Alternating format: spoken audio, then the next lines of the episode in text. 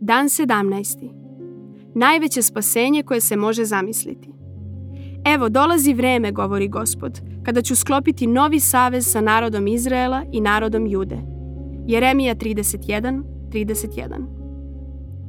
Bog je pravičan, svet i odvojen od grešnika poput nas. To je naš glavni problem za Božić, a i u svako drugo doba. Kako da se opravdamo pred pravičnim i svetim Bogom?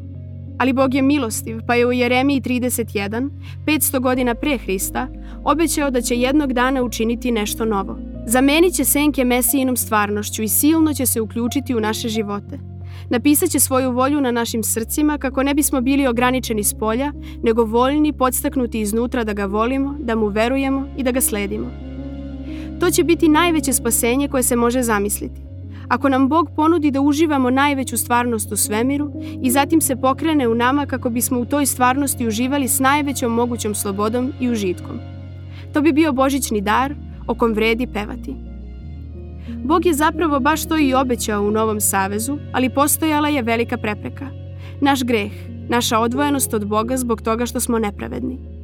Kako je sveti i pravični Bog mogao da postupi s nama grešnicima s toliko dobrote i daruje nam najveću stvarnost u svemiru, svog sina, da u njoj uživamo na najveći mogući način?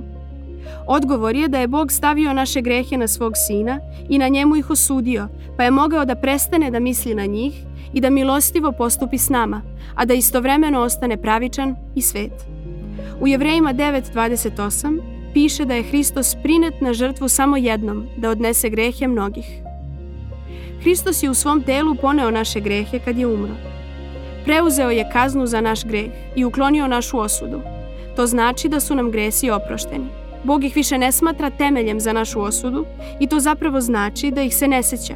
Oni su uništeni Hristovom smrću.